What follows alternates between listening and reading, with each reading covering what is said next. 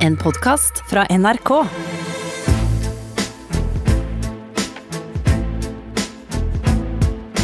Trump mot verden med Gjermund Eriksen og Sean Henrik Matheson.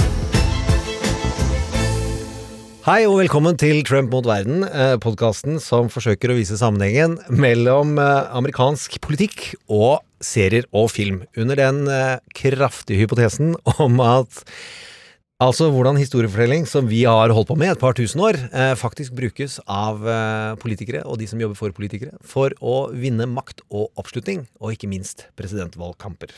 Eh, og apropos maktspill, eh, Sean er borte i dag også. Han var jo operert forrige uke for eh, noe vi ikke sier på lufta. For det er veldig personlig, og hemoroider Det er ikke det, det er brokk. Uansett. Han ble ikke frisk. Og han var ute og fløy. Og Sofie Haugestøl, øh, velkommen. Han var altså på et fly forrige uke, øh, og der er det observert på Gardermoen en øh, kvinne gå på det flyet som har med seg noen teposer. Det er også registrert en billett i din mors navn. Hva slags kvinne er det som har kommet inn mellom meg og Sean? Altså, det er vanskelig å si, men det er jo viktig å huske her at jeg har jobbet på forsvarsteamet til en av lederne i Røde Kamer. Det er sant. da jeg bodde i Kambodsja. Og at krigsforbrytelser jo er en av mine sånn kjerneforskningsfelter. Så it is what it is. Slik Sharon. Stones karakter i Basic Instinct hadde som fenomen å sk forske på voldelige psykopatiske kvinner. Mm. Der er spøken over! Velkommen, Sofie Høgestøl, som nå er oppgradert til den ultimate tittelen eh, vi sårbare menn tør å dele ut, nemlig assosiert medlem av Trump mot verden. Ja, det er hu-hu. Uansett, i dag skal det handle om sterke og flotte kvinner, eh, og det skal handle om mer ting enn det. Men la oss begynne med en av de sterkeste og tydeligste kvinnene i verdenshistorien, nemlig dronning Victoria, spilt av Judi Dench. I've been in office 62 years, 234 days. Thus, I am the longest serving monarch in world history. I am cantankerous, boring, greedy, fat, ill tempered, at times selfish and myopic, both metaphorically and literally.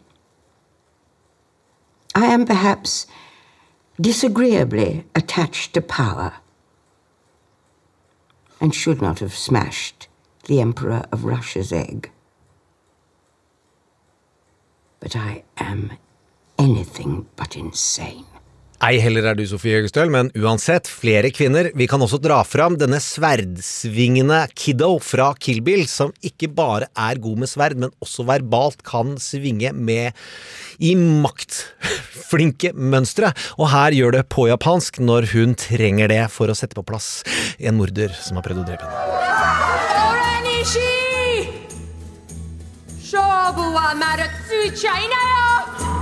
Og en tredje kvinne som er også fra Tarantino-universet, som kan vise at en kvinne kan være kul, sterk og tøff, selv om hun kommer fra underklassen og har tenkt å gå opp på et kafébord.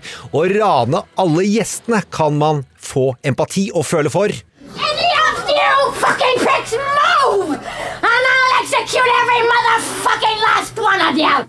Og i denne tradisjonen av fantastisk sterke kombinasjoner av fiksjon og politiske skikkelser, og så reiser det seg en kvinne denne uken eh, opp og vet at hun kanskje en eller annen dag blir den neste First Lady av USA. Fordi hun er gift med Don jr., og hva slags talestrategi velger hun da nettopp å gå inn i dette?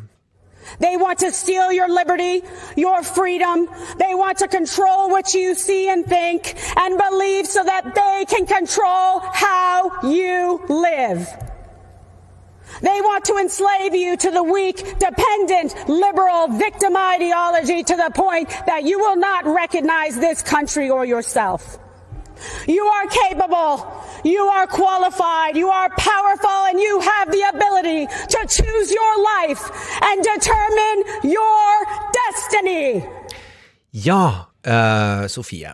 Var dette en kvinnelig tilnærming som eh, setter opp en klar og tydelig reise til at hun vil bli First Lady i 2028, etter at Donald Trump får sin tredje periode i 2024?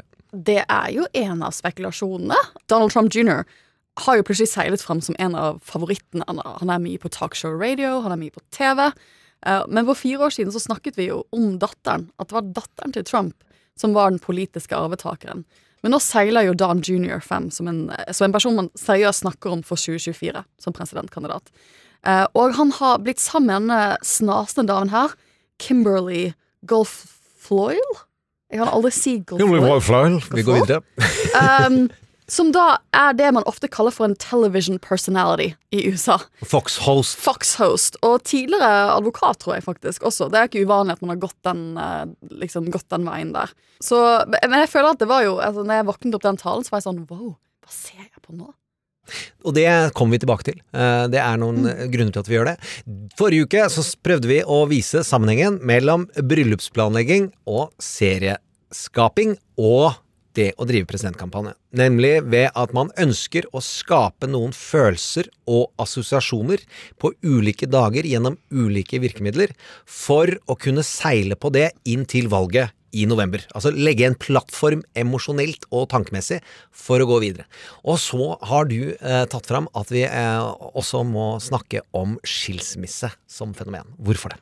Jo, fordi at jeg føler at Kanskje særlig når man hører på type sånn Lincoln-gutta. Så for meg så virker de virkelig sånn som, som, som fyrer som snakker om det republikanske partiet, som om de er nyskilte fra det. Mm, kort, Lincoln Project er fullt av strateger som har jobbet for alle de andre presidentkandidatene tidligere, og nå prøver alt de kan å ødelegge for Donald Trump fra eget parti. Fra eget parti. Og, og, og tenk sånn, de, hører, de høres jo virkelig nydumpede ut. Altså den, På den måten de snakker om eksen sin. ikke sant? Alt, de ser alt det feile nå. De skulle visst, ikke sant? Men de har brukt hele livet sitt på eksen! Ja. Men nå De får fram en av de viktigste smaksløkene vi har i munnen, men også en av de viktigste menneskelige følelsene. Bitterhet. Bitterhet. Det er mye bitterhet. Um, og det er jo liksom Jeg, jeg føler jo også at når jeg, når jeg så på, på, på republikanske landsmøter, så er det jo et parti som har vært gjennom et voldsomt samlingsbrudd. For de har jo egentlig kvittet seg med sin gamle partielite, som ikke er så gammel. Men de personene for fire til åtte år siden som har vært naturlig at skulle komme og være og snakke på et sånt landsmøte. Og de har ikke vært der. Liksom George uh, Bush jr.? Ja. Sittende president, eller har vært president uh, for republikanerne, er ikke, skal ikke snakke. Han er ute. Det er ikke Mitt Romney sitt parti lenger. Han er ute. Altså Han er senatet, men han er ute av varmen i partiet. Um, Bush senior før han døde, ute. Mm. Um, John McCain, ute. Det er ikke John McCain sitt parti lenger. Et dødsfall hjalp. Det hjalp. Um, men, men liksom, jeg syns det er ganske, sånn, ganske sånn interessant å se hvordan denne gamle partieliten føler seg forlatt og bedratt. Og så er det det med partiprogrammet. Altså hva var det partiet sto for, som det også er en skilsmisse fra. Ja. Og så kan man også si at det er en oppfordring til en skilsmisse fra den andre delen av USA. Altså det er, Hvis man ser på hva Donald Trumps hovedtanke er, er å polarisere verden og dominere én del av den og kontrollere den. Uh, så jeg syns skilsmissemetaforen fungerer som tusen. Altså litt fordi jeg tror at Hvis du er politisk aktiv i et parti og har brukt mange mange år av livet ditt på det, så er det som et kjærlighetsforhold. Det er jo det. Ja. Jeg tror for mange som er partipolitisk aktive, som jeg jo er i Venstre, det kan, liksom, det kan være kjærlighetssorg til tider. Det kan være gode tider under en bra valgkamp hvor du får litt driv. Ja. Men du får et sånn følelsesmessig forhold til partiet som kanskje ikke er helt rasjonelt. Så det er litt vondt hvis man har part sterke partilederkonkurranser Altså, det har jeg selvfølgelig ingen tanker om. Det har du ingen tanker om? Altså, jeg er veldig Jeg unner jo at det er litt motstand i Venstre, fordi det går så jækla fint i Trøndelag. Hei, Trøndelag. Men, men jeg tenker sånn, ingenting symboliserer dette skilsmissemetaforet bedre enn Conaway-ekteparet. Ja. Som denne uken gjør det seg klart at de begge trekker seg tilbake. De er da to personer som er gift. Kellyanne Conaway var utrolig viktig for Trump. Hjalp han vinne valget i 2016. Ektemannen hennes George Conaway the Third Jeg liker at han alltid bruker the third på alt han gjør. Det er veldig viktig å få med seg. Jo, men det er beskjedenhet, det. Det er beskjedenhet, ja. Han um, er da advokat, uh, prominent republikansk advokat, som har vært med på å stifte Lincoln Project. Så de har sittet i hver sin del av denne skilsmissen. Kellyanne i Det hvite hus jobber for Trump. Con eh, Conaway George hjemme og lager sinte videoer for The Lincoln Project. Og denne uken har det blitt klart at de begge trekker seg tilbake fra de rollene. Uh, George trekker seg ut av The Lincoln Project, og Kellyanne trekker seg fra Det hvite hus. Begge peker på familien. Der Ja. er det en datter som har vært utrolig synlig i sosiale medier, som Mm. vi ikke uh, tror jeg vi skal snakke noe om. Uh, fordi nå tror jeg det er ganske sårt inni den familien. Ja. Vi men le- de foreldrene kommer vi til å spøke med, altså, for Ja. Kellyanne har sine motiver, og George har sine motiver. Ja. Og de har brukt albuer, knær og leggskinn på å fjerne motstandere og komme seg høyt opp her i verden. Men den 16-årige dattera, den lar vi ligge. Absolutt. Men jeg føler at de to lever denne skilsmissen. Mm. I sitt eget ekteskap. Da, apropos ekteskap, folkens. Tilgi oss for at vi drar noen eh, metaforer som også kan forklare hvilke følelser som Donald prøver å skape på konventet. For i ekteskapsbrudd så er det ofte et fenomen som Donald Trump er veldig flink på, og det er frykt. Og en av eh, de viktigste filmene og fortellingene om frykt som verden noen gang har sett, heter Seven. Og der er det en dramatisering av de sju dødssyndene eh, som mennesket ikke skal gjøre. Det er hovmod, grådighet, begjær, misunnelse, fråtseri, vrede og latskap. Eh, og det bor i de fleste av oss, og det blir sett på av den katolske kirke som introduksjonssynder til andre synder. Så det er ikke slik at du tenker det er umiddelbart latskap. How do you, hvordan kan det være dødsfarlig å skape hat? Men han viser i den filmen, eller han viser faktisk ikke, han forteller om at hver av disse dødssyndene så er det et stort, makabert drap som illustrerer det. I den filmen så tror du, når du har gått ut av filmen, at du har sett alle drapsstedene i sin detalj. Og du ser nesten ingenting. Fordi Fincher og hele teamet hans er så flink til å få oss til å fylle ut resten. Altså meddiktningens forutsetning for at vi skal bli redde, så må vi ta eierskap til den visuelle og emosjonelle eh, gjenfortellingen av det onde vi er redd for.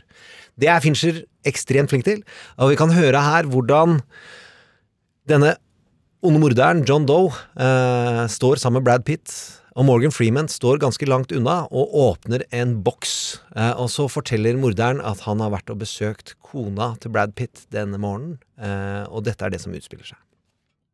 I visited your home this morning. After you'd left. I tried to play husband. I tried to taste the life of a simple man.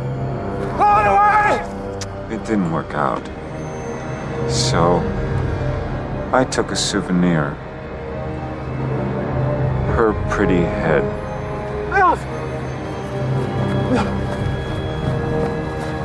What's this talking about? Give me your gun. What's going on over there? Put the, put the gun down. I saw you with the box. What was in the box? Because I envy your normal life. Put the gun down, David. It seems that envy is my sin. Oh, what's in the box? Not till you give me the What's gun. in the fucking box? Give me the gun. He just told you. Ja, det er ikke noe hyggelig. Eh, og det er eh, Vi får aldri se hva som er i boksen, mener jeg å huske, men man klarer å produsere det bildet av hva dette betyr for Brad Pitt. Og grunnen til at film, serieskapere og fortellere og politikere bruker frykt, er for å åpne opp deg til å ta inn ord og tanker og meninger som de tjener på. Eller for- underholder hvis du har et viktig budskap når det gjelder film- og serieskapere, men for noen politikere så bruker de det for å gjøre deg avhengig av dem.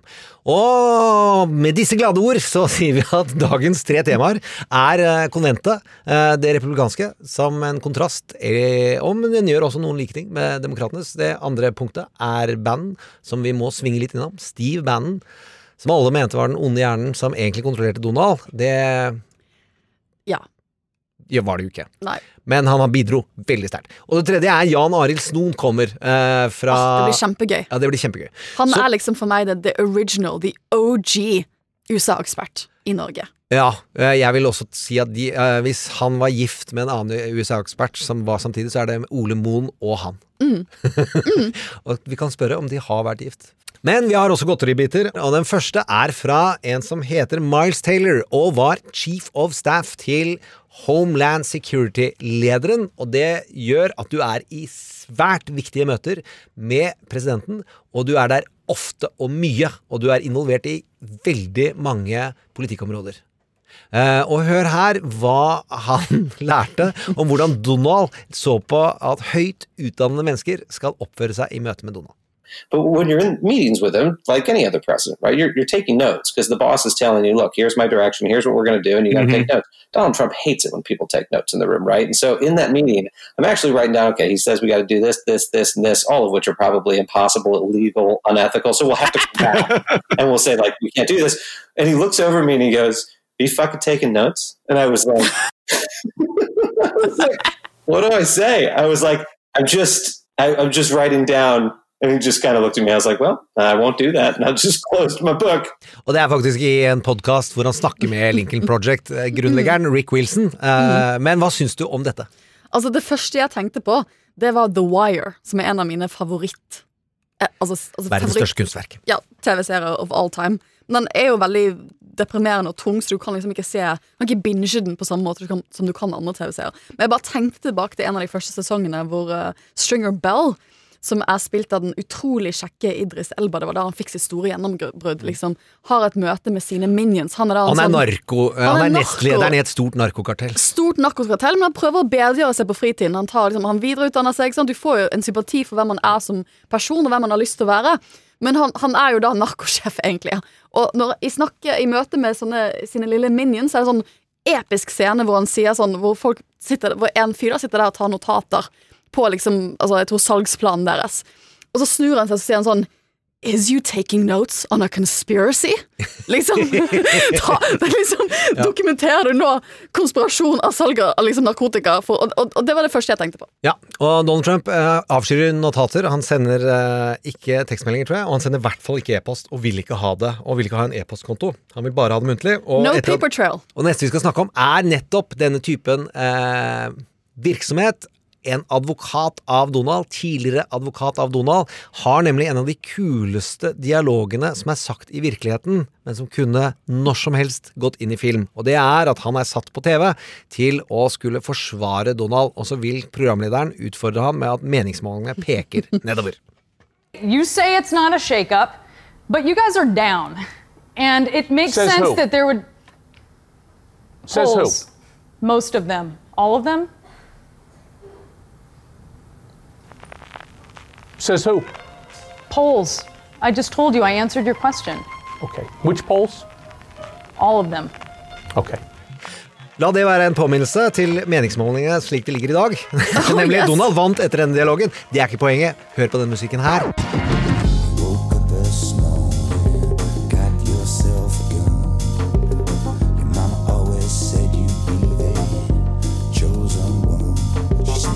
Sofie, hvilket univers er vi inne i med Michael Cohen nå? Vi er inne i det univers til The Fixer.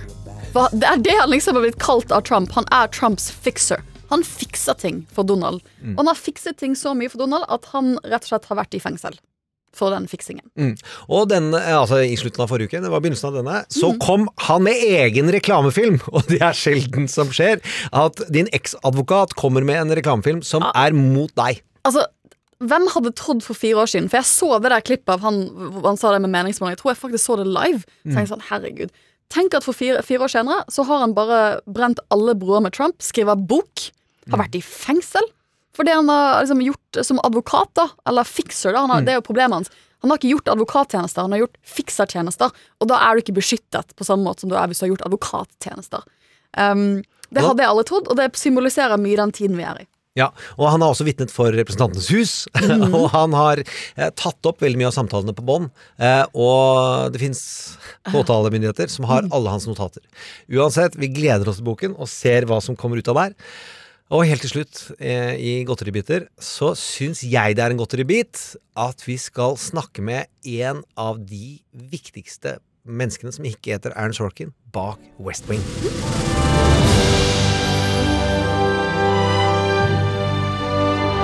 Ja, ja, vi har fått tak i Eli Atty, som er en av de forfatterne som har skrevet flest episoder og vært produsent. Og han skal vi få snakke med om uh, ti dager. Og det var før vi hørte at det skal visstnok lages et eller annet fra serien The West Wing Reunion. Altså, det er fantastisk. Jeg gleder meg som barn til å høre intervjuet om ti dager. Og jeg gleder meg, men også grugleder gleder meg litt til å se denne special-greien de skal lage. For jeg er jo veldig stor fan av Harry Potter, og elsket de bøkene. Men så hatet jeg det skuespillet som J.K. Rowling kom ut med ikke sant, ti år senere. Ja. Og jeg har liksom, så jeg er veldig sånn Jeg elsker The West Wing. Og jeg håper at jeg elsker det de lager nå. De lagde en reklamefilm for å støtte en dommer i en kampanje for seks år siden. Ja. Den ble helt fin og grei, og Ja, ja. da gnidde følelsene våre den riktige veien. Eh, Men jeg tror ikke Sorken er involvert i det her, men det, så vi får se om dette går.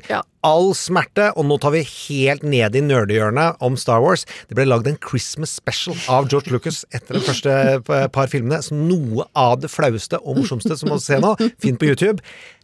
Det er galskap. Vi går tilbake til der vi var. Bryllup eller skilsmisse. eh, og Donald Trumps konvent. Og hva er det han egentlig aller mest ønsker seg? Det er jo et eh, dynasti.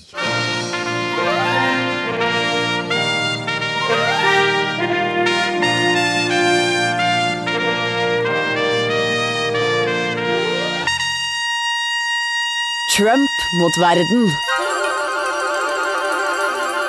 Ja, eh, dette var dynastiet, eh, men eh, det Donald kanskje ønsker seg noe mer, er et slektsfokusert Ming-dynasti, hvor du ikke er så avhengig av f.eks. demokrati. Det er et satirisk poeng. La oss begynne med dag én. Hva syns du, Sofie?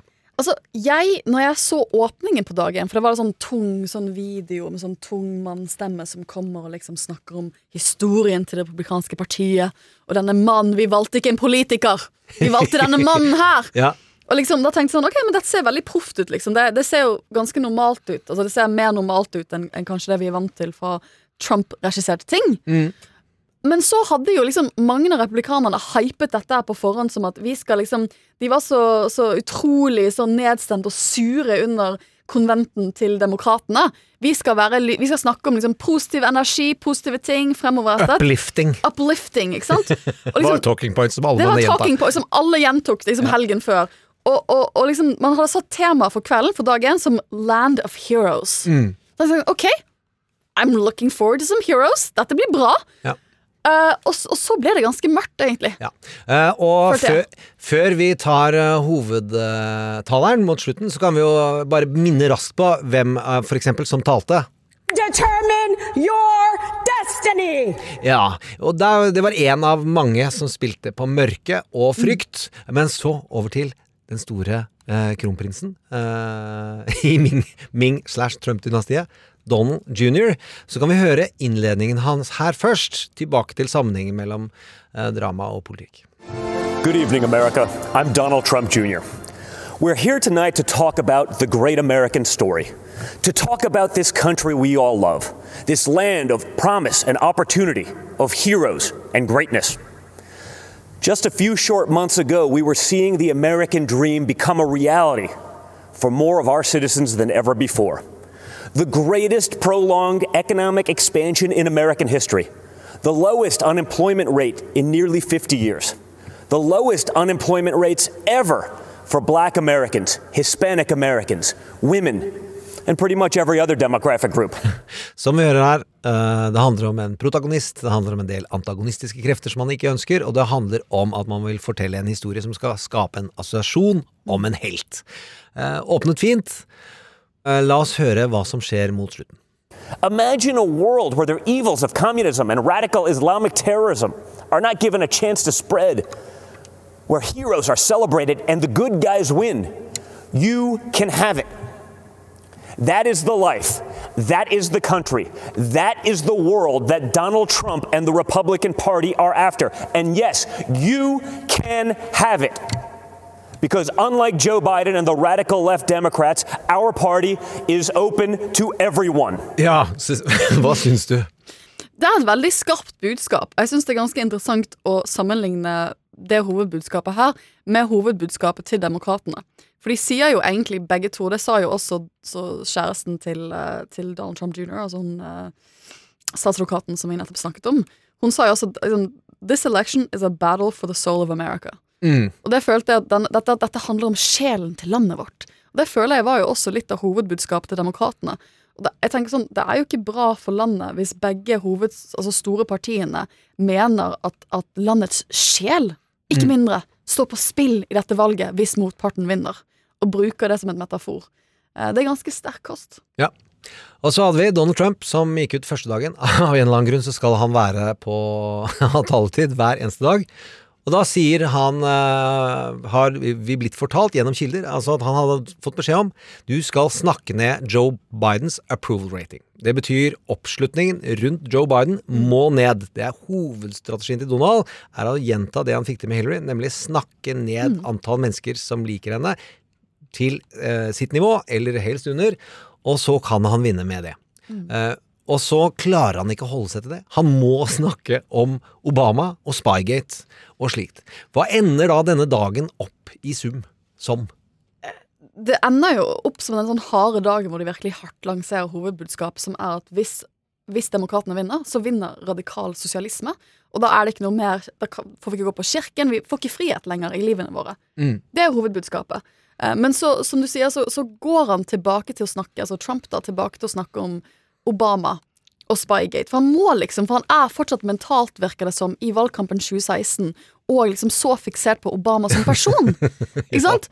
Obama stiller ikke til valg. Veldig sikkert at han ikke gjør. ja. Dag to. Land of Promises var temaet. Land of Promises. Eh, hva tror du det handlet om? Jeg tror man prøvde å mykne det opp litt. Mm. Dette skal være land of opportunity for Mm. alle. alle skal, det skal være mulighetens land for alle. Og så er det no, noen sånn som, så, som sier at det var noen i Trump-kampanjen som så hvordan inntrykket etter dag én var. At Ja. folk sto og skreik i mikrofon, og at de måtte soften it up. Mm. Og at de måtte gå mot familie eh, og vise at de hadde en mykere side. Og da skulle det de innom en del vante republikanske størrelser. Eh, vi hadde Nikki Haley, som eh, jeg syns leverte en god, stødig, klassisk republikansk tale. Eh, hva syns du er inntrykket av henne? Inntrykket av henne at hun gjerne vil bli president. Ikke at det er noe galt i det, og det, folkens. og det, det liker jeg ved henne. Ikke sant? Og jeg, jeg må si at Nikki Haley har um, Jeg har blitt veldig imponert over henne, for det er veldig få som har greid å komme seg ut av Trump-leiren uten at det blir bråk mellom Trump og deg selv. Ikke sant? Mm. De fleste som har forlatt Trump sin, eh, sin eh, kabinett, da, Ja. har gjort det på, med hat, med masse hat og vondt blod. Ikke sant? Uh, type Trump og Sessions. Sant? Som Trump har, har liksom Alle forsvarssjefene, alle chief of staffene. liksom, Hun er kanskje den eneste med et så høyt verv, for hun var jo FN-ambassadør Ja. i to år. Hun er den eneste som har hatt et så høyt verv i hans, altså i hans kabinett, da, i hans regjering, som har greid å komme ut av det med, med godsinn og, og, og gode gemytter. De, de hadde sånn pressekonferanse hun gikk av, som var veldig sånn søt og fin. Og hun er også en av de få som samtidig har greid å ha den rollen, og så holde litt distanse til han. Hun greide å gi litt pushback Mm. når hun var FN-ambassadør. Og det syns jeg det krever politisk teft. Ja. Det var også Pompeo, utenriksministeren. Eh, Den skal vi komme litt kort tilbake til. Eh, I oppsummert så nevnte du at det er The Land of the Promises. Vi har nevnt at det handler om familie, men det handler også om å tone ned det rasistiske. Han prøvde å ta fram flere talere som gikk imot det. Nikki Haley gikk imot det, Tim Scott gikk imot det, og flere andre hakket ned på at det er ikke rasistisk, eh, noe som kommer fra Donald Trump. Mm. Og det som de har rett i, ikke alle som stemmer på Trump eller tilslutter seg republikanske partiet, er rasister. Eh, la oss høre Melania Trump, som da går ut på scenen eh, i, I sin rosehage. I rosehagen, som noen botanisk interesserte, eh, som jeg har blitt, er bygd om fra en fantastisk, eh, levende, historisk hage til et eh, ganske dyrt konferansehotellhage. Hør her hva hun sier. As you have heard this evening, I don't want to use this precious time attacking the other side. Because, as we saw last week, that kind of talk only serves to divide the country further. Det fantastiske er jo å si at du ikke skal angripe med et angrep. Ja, ja, men det, det er nydelig, da. Ja. Sant? Jeg skal ikke være som de andre folka forrige uke og snakke folk ned. uh, det synes jeg syns det var en, en bra tale, jeg. Ja, men jeg er veldig enig.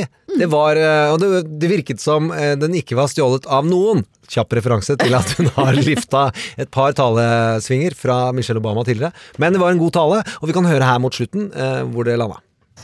I want to acknowledge the fact that since March, our lives have changed drastically. The invisible enemy, COVID 19, swept across our beautiful country and impacted all of us. My deepest sympathy goes out to everyone Ja, eh, og der eh, ser vi at det var også en reforhandling av hva koronainnsatsen til Det hvite hus har handla om. Det har vært veldig viktig. Um, jeg tror for dette, denne landsmøtet her, jeg tror en av de viktigste sånn kommunikasjonstingene som de har prøvd å gjøre i planleggingen. Og Det kunne vi snakket lenger om planleggingen her, for vi visste jo ikke forrige uke om det ble én eller fire dager. Det har jo vært helt oppe i luften hvordan de skulle gjøre dette. her. Og det ble jo ikke publisert program før kvelden før, liksom. Mm. Så det er jo interessant. Um, men jeg tenker at det å kommunisere at uh, det å prøve å omskrive litt historien knyttet til korona For jeg tror at alle rundt Trump skjønner jo at det er sånn de kommer til å vinne uh, de, altså For å kunne vinne valget, så må de omskrive den historien i november. Mm. Um, jeg, men jeg syns også det var veldig interessant å se Melania gå så rett på dette med covid og liksom er- erkjenne effekten det har, i folks li har hatt i folks liv. For det er jo ikke så mange republikanere på det nivået som har gjort på den Mm. måten. Og det er jo det man ville forventet av, av en første, førstedame å gjøre. Å holde en sånn varm tale. Kanskje også en president. Der han leverte 'It is what it is', så Ja. leverte hun empati og Mm. omtanke. Plasserte det i mars. Ja. Da var Donald egentlig fortsatt på at dette kommer til å forsvinne når varmen Mm, kommer. mm. Eh, og det er eh, bare et, min, et lite problem. Så hun prøver å gi ektemål noe han ikke har greid å gjøre selv. Mm. Som er å snakke empatisk Ja. til de som har vært gjennom en veldig vanskelig tid, eller mistet familiemedlemmer. Mm. Men jeg må si at hele settingen, liksom, det var sånn mørkt, og liksom, liksom he, altså, Alle som satt og liksom så Mm. på i partiet, og liksom ektemannen hennes som satt foran, og liksom, de hadde ganske kule sånn uh, filmvinklinger på Mm. talen hennes. Jeg syns det, det så nydelig ut. Det var bra produksjonskvalitet. Det var veldig bra produksjonskvalitet, så det, det, skal de, det skal de virkelig ha. Men det er jo det som er kontroversen, at dette er gjort i Det hvite hus. Ja, men det kommer vi hvert Det øyeblikk kommer tilbake til. Ja. Mike Pence sto på dag tre. Eh, Ja, hva vil du si da var temaet tema Land of Opportunity, og i kveld Land of Greatness. Så her bare går vi gjennom slagene. Vi men- tar opp denne på en torsdag, folkens. Ja, vi, tar, vi gjør dessverre det. Um, jeg tenker at det kanskje interessante som Mike Pence gjorde, det var at han nok en gang pekte på i talen sin at det kommer en koronavaksine. Ref. Liksom innen slutten av året. Han tror på det. Ref. Det vi snakker om, at liksom man, nå er det viktig å selge inn at korona Håp, det går Det over, går over. ikke vær bekymra. Mm. Dette ordner seg, og så vil vi fikse økonomien etter det. Samtidig, dette er samme mann som skrev en kronikk i The Wall Street Journal i sånn type juni, med tittelen 'There is no corona second wave'.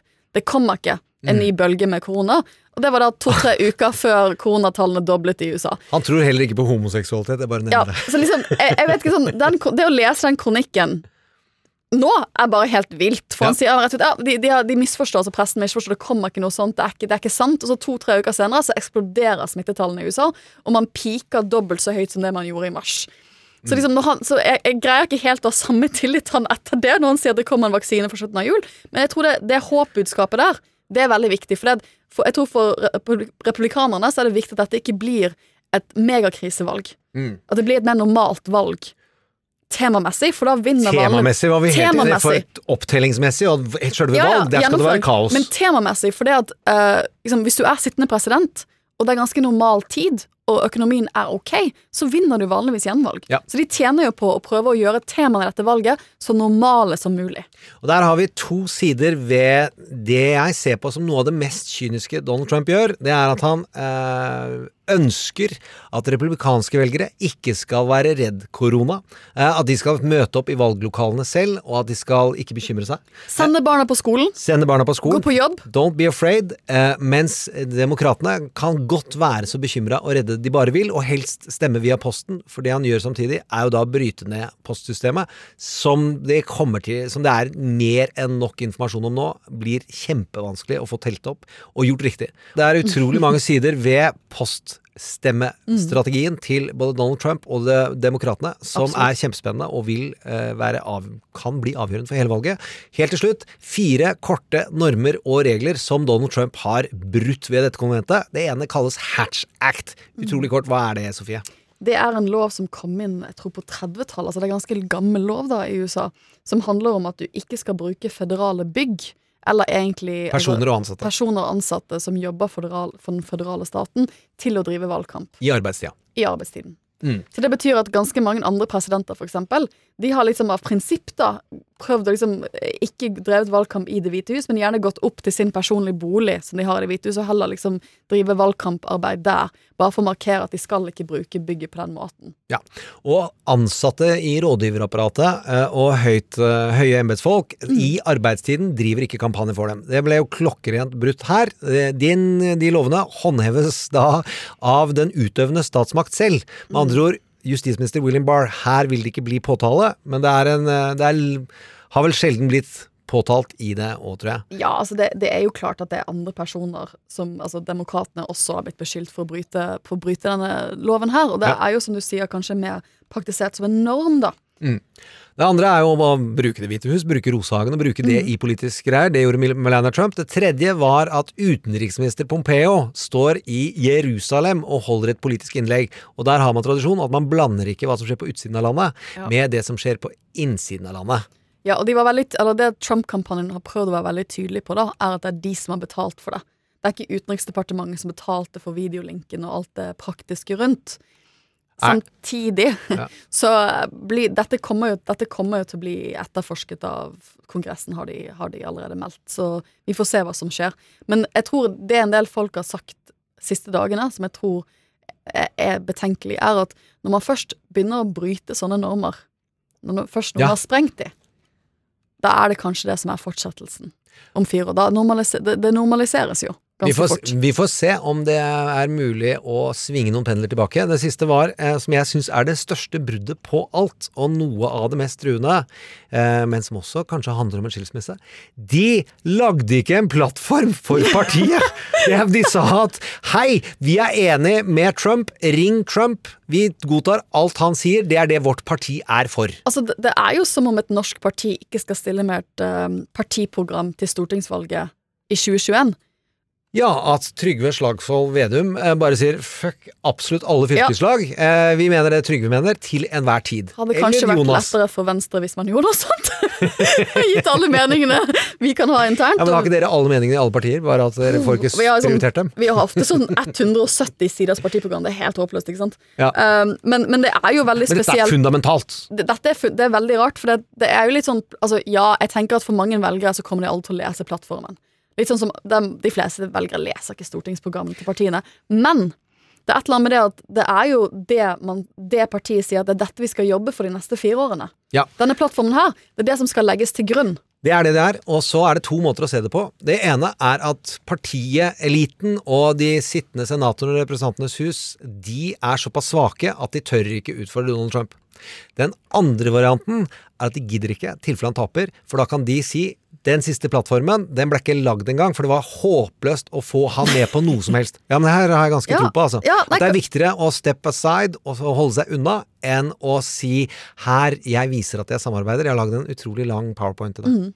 Det, er- men det er interessant å, å liksom sammenligne det med demokratene, hvor man ser at demokratene har brukt plattformen sin i år til å hele tiden si at det er den mest progressive plattformen vi noensinne har hatt. Ikke sant? De prøver å veie opp fordi at de har valgt en av de mer moderate duoene Mm. de kunne valgt, Ja. valgt Joe Biden og Kamala Harris, og for å gi noe til venstresiden i partiet, så har de gitt de en del innrømmelser i denne plattformen og sier at ok, politikken vi har blitt enige om vi skal føre neste fire årene, den er faktisk ganske progressiv. Så sånn bruker de sin plattform Ja. i år. Mens de, altså, republikanerne are doubling down. It's Trump, Trump, Trump and Trump. Eh, Der vi kan si at eh, forrige uke handlet om bryllup og begravelse, så handlet denne om bryllup og skilsmisse. Eh, det er mye som ble samlet under Trump, og for Trump, og mye vind i seilene ut av det konventet. Jeg trodde det skulle være skumlere, mørkere og mer håpløst, litt sånn som forrige gang. Det var høyere kvalitet, for de som tror at Trump har svekka sin posisjon nå. Det har han ikke. Nei. Og dette er en av de store overraskelsene. Altså når jeg satt der sånn for fire år siden, da, så var jeg veldig sånn Jeg tenkte mye på hva gjør det republikanske partiet om Trump vinner? Hvordan skal de forholde seg til han? Når hele partieliten har dømt han søndre ut og har sagt offentlig de ikke vil ha han. Hva gjør de? ja. Og der eh, Jeg hadde ikke trodd vi skulle være her. At det er Nå er det innen fire år så har han konsolidert hele partiet. Som Jeg har jo trukket den parallellen før, at det er som en hostile takeover. ikke sant? Ja. Du har kommet inn utenfra, og nå har du bare konsolidert hele bedriften under deg. Og til denne kampen om tronen i det republikanske partiet, så kan vi gå fra dynastiet til et annet fantastisk slektsdrama serier har uh, hatt før uh, Jan Arild Snoen, en fyr som har kikka inn og opp og gjennom det republikanske partiet veldig mange ganger mer enn meg.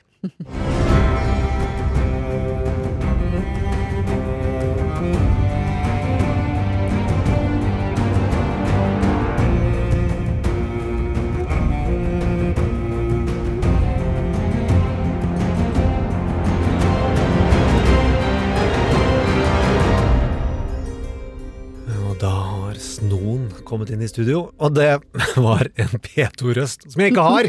Men uansett, vi har nettopp lært at Snoen-ordet er mer Game of Thrones-relevant enn man kunne forestille seg, fordi det betyr hva da, Jan Arild Snoen? Altså, det er jo litt sånn kald vind med litt snø i. Jon Snow! Det er Snoen etter Game of Thrones. Folkens, vi må komme i gang med eh, Snoen som gjest. Han er en av mine favorittskribenter når det gjelder å bruke data og fakta og skrive lange, resonnerende tekster som får deg til å tenke nytt eller dypere om et fenomen. Og han rødmer vel nesten, hvis jeg hadde hatt godt syn, kunne jeg sett det her i studio. Rødmer litt, Sofie? Ja.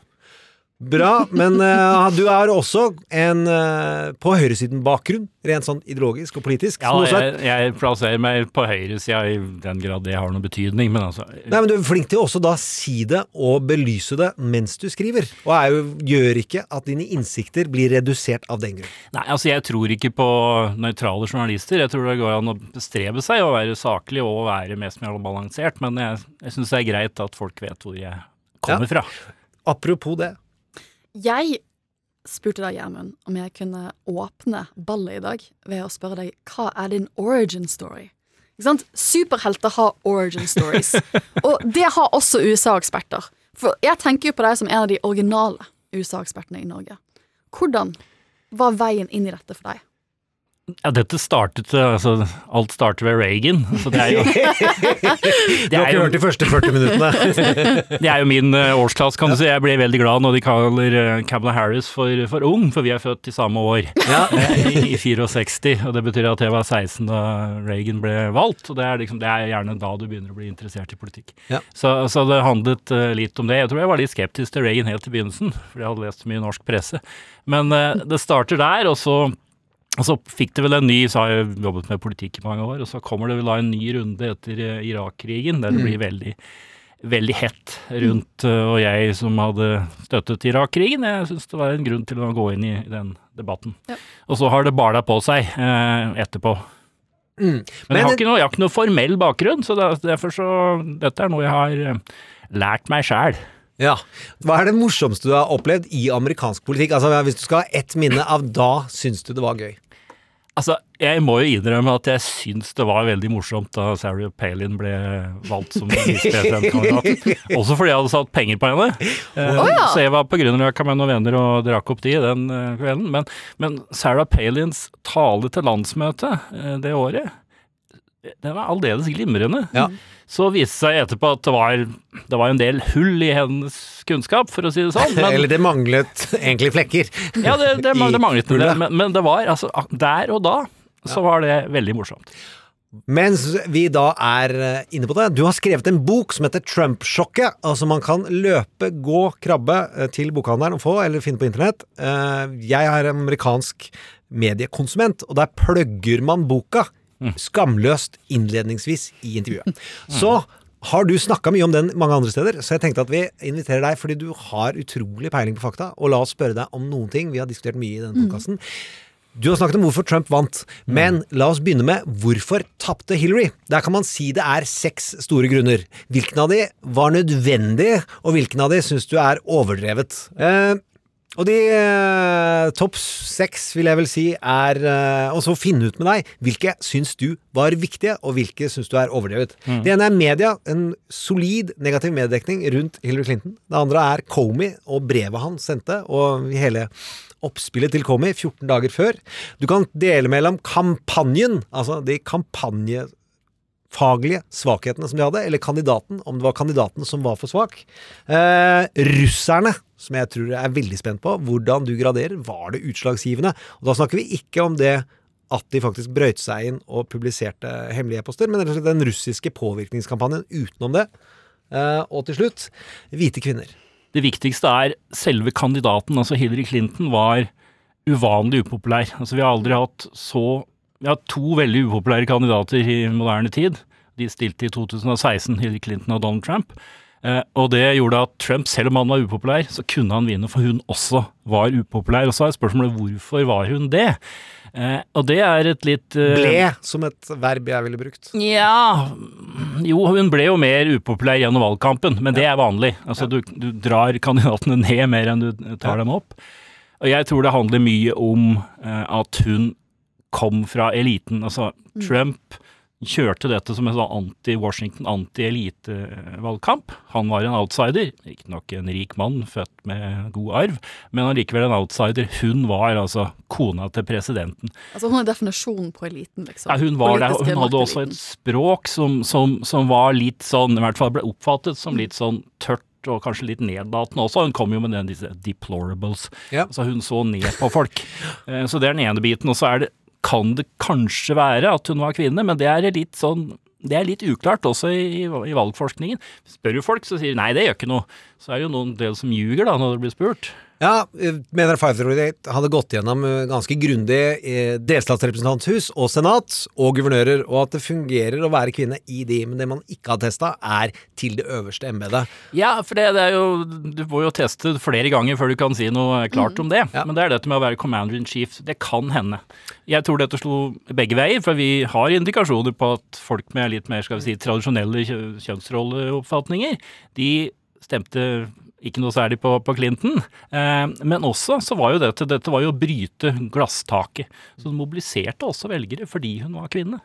Og de to opp mot hverandre, kanskje et lite minus til Men sammen. Hva da med de ytre faktorene? Hva med mediedekning, russerne og Comey, for å begynne med noen av de tre? Jeg tror som- dette har liten betydning. Altså, Trump fikk veldig mye mediedekning, fordi han det var et fenomen. Han var kjendis på forhånd, eh, og det, ble veldig mye sirkus eh, rundt dette. Og han fikk stort sett negativ dekning på innhold i politikken, men han fikk veldig mye positiv dekning fordi han gjorde det bra, særlig da i nominasjonen, som han jo da stakk av med. Eh, og ikke så mye mot Clinton, for da var målingen ikke så bra. Men Comey-brevet kom en drøy uke før, før valget, altså at, at det ble gjenopptatt et, etterforskning. Nei, altså her er folk uenige. Og her er vi uenige. Er uenige ja. altså, Nate Silver, som da er eh, guru for oss begge to, han Mm. mener at dette var viktig, og mener å kunne påvise det i utslagene i meningsmålingene. Men, men eh, disse meningsmålingsbyråene som satte seg sammen og laget en sånn evaluering etterpå, de finner ikke noe utslag. Jeg tror at det først og fremst var sånn at det avsporet eh, en mulighet for Clinton i innspurten. Det handlet så mye om dette. At hun fikk ikke Og så spilte de jo opp rundt tanken om henne som en korrupt elite. Altså, det, det, Ja. jeg, jeg føler at det spilte jo i det verste eh, maleriet som ble malt av henne, da, Mm. denne saken her, og så kom det opp rett før valgkampen. Det passet- Nettopp, de det passet inn i det som var en negativ oppfatning på forhånd. Så kanskje litt, men ikke mye, tror jeg. Russerne? Nei, altså det skriver jeg litt om i boka, eh, og det som er gjort av undersøkelser. Det er gjort en del undersøkelser, noen er fryktelig dårlige. Mm. Eh, men de som er gode, som jeg bygger på, viser at altså, denne trollfabrikken Ja, Medieeffekten av Trollfabrikken er det vanskelig å se resultater av. Helt marginal. Altså, det drukner i alt. Derimot så kan denne altså Wikileaks altså Russerne brukte Wikileaks for, å, for å lekke negativ informasjon om partiet, som igjen da frem, fremstilte eh, Clinton som en sånn elitist, som var ute etter Sanders-velgerne, at partiet var, var en konspirasjon mot Bernie Sanders. Comey-brevet hadde jo antageligvis ikke kommet hvis ikke russerne gjorde det første med Wikileaks, hvor man ble kjent med og ville fortsette etterforskningen an. Det, Men- det, det, det kan godt hende. Et annet begrep du har brukt i norsk offentlighet, som jeg også er glad i, dette er Trump derangement syndrome, hvor du har vært kritisk til en del eh, alarmister og Trump-kritikere.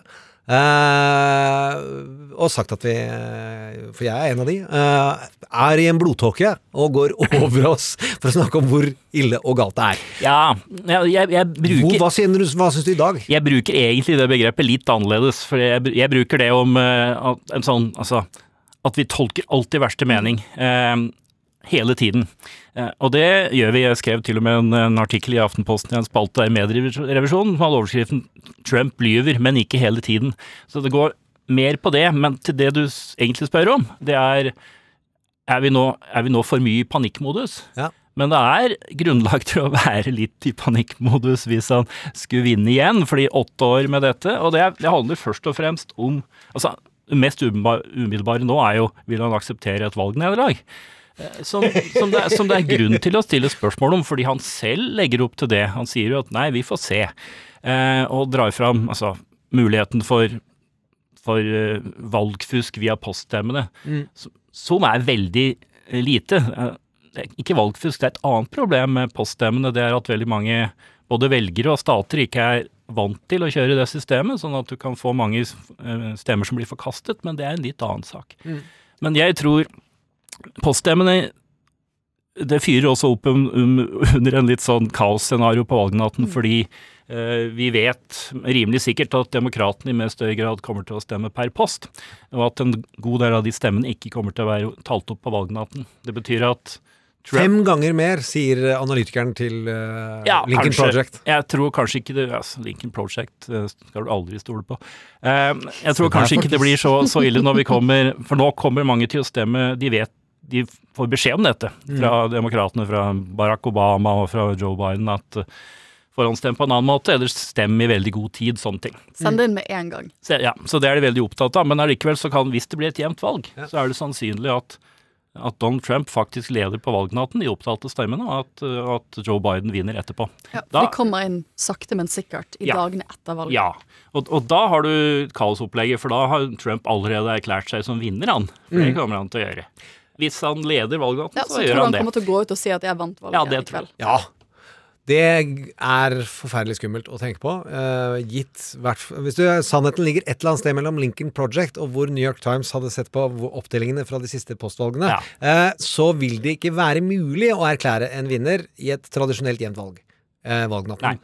Til det om Trump vinner, så blir det fire nye år med vår podkast, og da kan vi komme tilbake og snakke om det. Men la oss snakke om hvis han taper. Hva skjer med det republikanske partiet? Eks-republikansk partientusiast, eh, Snoen. Ja, det er jo også et spørsmål om hvor jevnt det blir, fordi altså, amerikanere liker ikke tapere.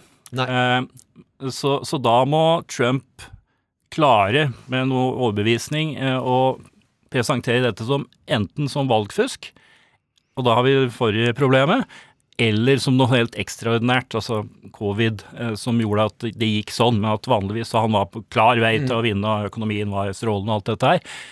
Og da vil de prøve å holde på partiet.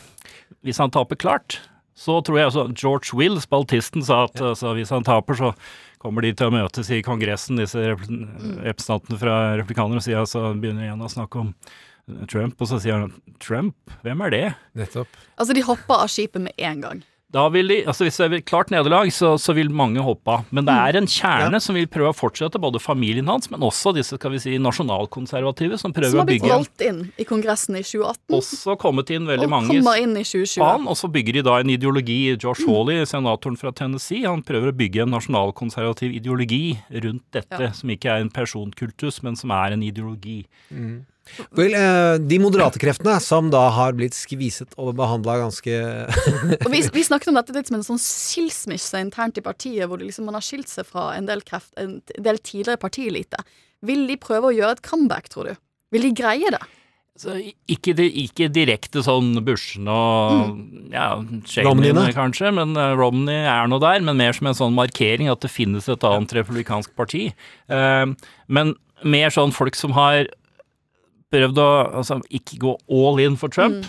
Nikki Haley, typisk, eh, som, som da snakker veldig pent om Trump og hans agenda, men som har en viss avstand. Hun har posisjonert seg for dette.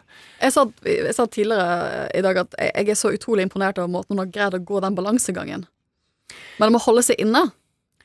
Og holde distanse samtidig. Jeg er imponert over noen, og så er jeg skuffet over andre. F.eks. min gamle favoritt eh, Marco Rubio, som også prøver dette, men som jeg syns havner litt mye i uh, heiagjeng. Og en eh, fantastisk spagat hvor han gir ut en rapport i Senatet om at dette var fullstendig ille, det som skjedde med innblandingen med Russland, mens han da sier på Fox News at det skjedde egentlig ingenting. Ja. Vi går videre. Men jeg, jeg har også jeg har vært medlem av tre partier, så jeg vet hvor, hvordan det kan være litt vanskelig å være. Altså, du må inngå en god del kompromisser når du er på innsiden, og særlig hvis du tenker å Posisjonere er Noe skal skje etter, både for min egen eh, del, men også partiet skal jo gjenoppstå hvis han taper. To avrundende spørsmål. Det ene er hvilke skarpe kniver i skuffen? Da tenker jeg på eh, bemanningen rundt Donald Trump. Ser du at han har, og som hjelper han til å vinne valget eh, eventuelt eh, i november? Ja, hva er redskapene han Ja, det er altså- Ja, det, og det er spørsmål nummer to. Hvilke er de eh, argumentene eller de fenomenene han kan vinne med? Ja, la oss ta det Folka først. først, først. Det, er, det er ikke veldig mange skarpe kniver der, fordi de, de skal jo være De er jo slipt av, av, av Trump, og de som ikke passer, de kastes. Eh, så, men eh, altså, en, en mann som jeg syns gjør det bra, det er Mike Pompeo, eh, Mm. utenriksministeren. Men han er utenriksminister, som gjør det litt, litt vanskeligere å, å, fronte det. Men han er der. Ellers er det ikke mange. Dette handler om Trump. Eh, det står og faller på Trump. Trump kan uansett ikke rettledes eller guides. Han, Mm. han, hvis han var enig om noe, en strategi, så brøt han jo fem minutter etterpå på Twitter, så det går ikke. Men dette, altså det som, som eventuelt kan, eh, kan snu dette, han ligger jo en god del etter nå, det er altså de sier jo allerede nå, det kommer, jeg har sagt nå i i 14 dager at han kommer til å si like før valget at nå har vi en vaksine. Mike eh, Pence sa det nesten i natt. Ja. Det er i hvert fall kommer til å være like rundt hjørnet, sier de. Og det vil da kunne støtte opp under økonomien, som var hans sterkeste kort. Mm. Eh, Stor optimisme, ikke så mye basert på Og meningsmålene fortsatt viser at han har en edge over Biden. At mange 10% velgere på- på syns at han, at han har eierskap over Så han har, han har ikke fått særlig mye skyld for den økonomiske nedgangen. Velgerne sier at dette er noe som kommer utenfra, som de i veldig stor grad har rett i. Og så er det litt avhengig av hvordan- det kunne ha vært håndtert. Men dette rammer jo alle land, Mm. og ikke bare USA. Så de, de gir han eh, fremdeles some slack eh, på det. Og så prøver han også å knytte Biden til ytre venstre. Og han, ha, han har stor glede av det som nå skjer med nye opptøyer eh, i, Wisconsin. i, i Wisconsin. Mm. Og, for så vidt pågående i Portland hele tiden. Dette styrker eh, Trump. Altså, et, en svart som er drept av politiet, det styrker demokratene. Opptøyene etterpå styrker republikanerne. Eh, og så tror jeg han har en stor plan om å reprodusere i en eller annen form et Comey-brev i midten av oktober som kan fungere. Og det vil jeg spå at eh, Barr jobber veldig hardt med å få til. Det gjør det nok. Du ser skeptisk ut. Ja, altså, jeg vet ikke om du kan ta det samme trikket en gang til. Det Altså. har han jo Ja, vi får se, men det blir en sånn, det blir noe October Ja. surprises. Det jeg vil si eh, til det begge kampanjene planlegger alt de kan for at det skal skje masse dritt de siste 14 dagene, Mm. og så får vi se hvem som får det til. Uh, og med de vakre, idealistiske ordene om det, noe av det mest spennende vi vet, nemlig fantastisk hvordan samfunn påvirkes gjennom demokratiske prosesser, uh, takker jeg for at du møtte opp. Snowen fra Game of Thrones og Minerva. Takk.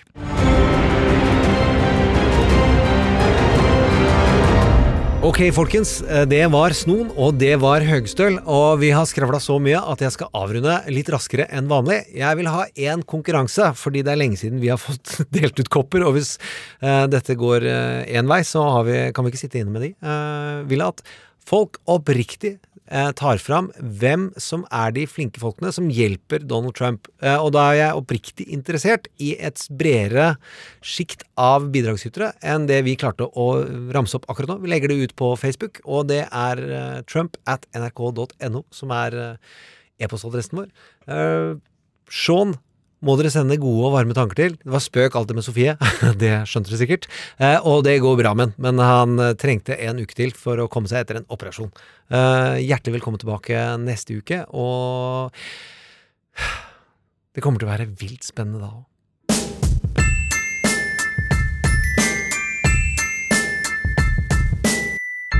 Trump mot verden. Du har hørt en podkast fra NRK. Hør flere podkaster og din NRK-kanal i appen NRK Radio.